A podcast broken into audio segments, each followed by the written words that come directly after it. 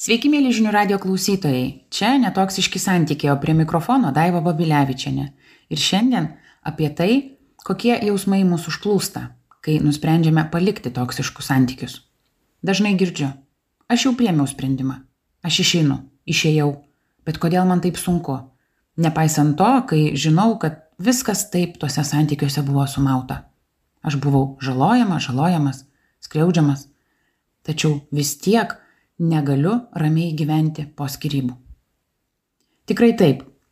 Priimti sprendimą skirtis net sveikuose ir darniuose santykiuose yra gana sunku ir kartais tai nutinka, nepaisant to, kad žmonės gerai sutarė. Tačiau ten, kur yra toksiški santykiai, skirybos ir gal net ne pačios skirybos, o baimė vėl į tuos pačius santykius grįžti, apsunkina visą situaciją daug labiau.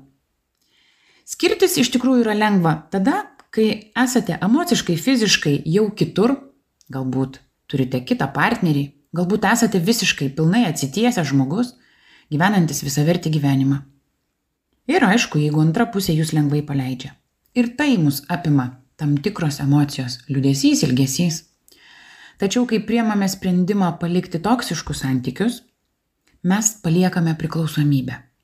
Ir tai tampa dar sudėtingiau. Po skirybų toksiškų skyrybų normalu jausti ilgesį. Juk du žmonės bet kuriuo atveju buvo susilieję ir santykis pats kontaktas jis buvo. Nesvarbu, kad jisai buvo labai toksiškas ir emociškai žalojantis.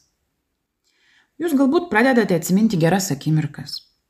Galbūt jaučiate kaltę dėl socialinių normų, dėl kartu turimų vaikų, o galbūt jūsų paliktas partneris jumis manipuliuoja.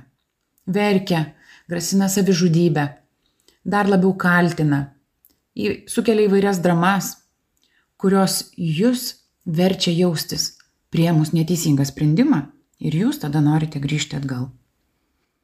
Ir kas nutinka, kai grįžtate atgal? Jūs tą pačią akimirką, na arba dienos bėgi, galvojate, kad padarėte klaidą grįžus. Tad kur čia šuo pakastas? Kodėl norisi skirtis, o išsiskyrus norisi grįžti atgal? Gal ne tiek, kad norisi, bet tiesiog traukte traukia ten. Kaip ir minėjau, toksiškose santykiuose yra sukeliama labai daug emocinės ir psichologinės priklausomybės.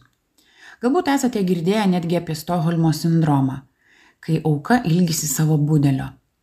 Kad ir kiek galėjo jų santykiuose skriausti, žeminti, negerbti, menkinti, pravardžiuoti, galbūt naudojo fizinį smurtą, jums vis tiek po skirybų atrodo, kad jūs norite grįžti ir jūs ilgitės savo būdelio.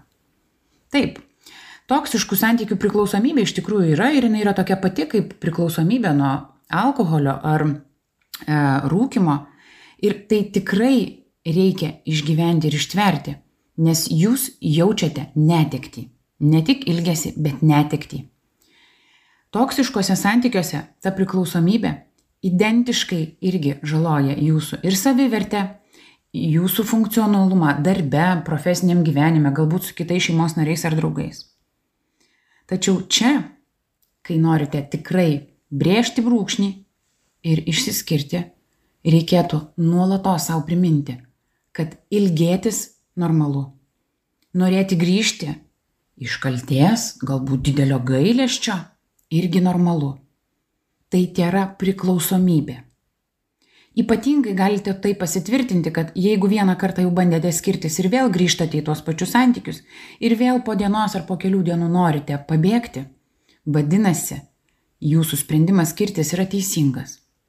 Ir tas noras grįžti atgal yra formuojamas ne ko labiau tik tais pačių manipulacijų, toksiškumo, emocinio žlugdymo, kalties jausmo sukelto e, priverstinai ir galbūt per dėlio gailėšio, nes tas žmogus, kuris buvo jūsų būdelis, dabar tapo auka ir jums kyla noras įgelbėti. Sprendimus reikia priimti iš visumos. Jeigu racionalioj būsenai, ne tada, kai esate po eilinio konflikto ar kažkokios tai dramos, norite bėgti, bet tada, kai racionaliai apmastote visus pliusus ir minusus, suprantate, kad tiesiog mirštate tuose santykiuose, kad esate žlugdomas, kad jūsų savivertė yra tripiama ir negalite funkcionuoti gyvenime, būdamas tuose santykiuose, žinokite, kad priemę sprendimą skirtis, turite atsiminti, kad tai yra lyga, savotiškai lyga, kad tai yra priklausomybė nuo pačio santykio, nes toksiški santykiai sukelia tikrai labai daug adrenalino smegenyse ir jūs įprantate prie tos įtampos ir streso. Ir prieėmę sprendimą iš racionalumo, iš visumos, bandykite tą laikotarpį po skirybų išgyventi taip, kaip galima išgyventi saldamy, saldumynų valgymo metimą ar galbūt rūkimo metimą. Tiesiog turite su tuo kovoti, bet priimti natūraliai kylančius jausmus. Nes kaip ir minėjau, ilgėtis, jausti kaltę, gailėtis yra normalu ir po toksiškų santykių tas jausmas dar stipresnis. Tikiuosi, šis mano komentaras jums buvo naudingas.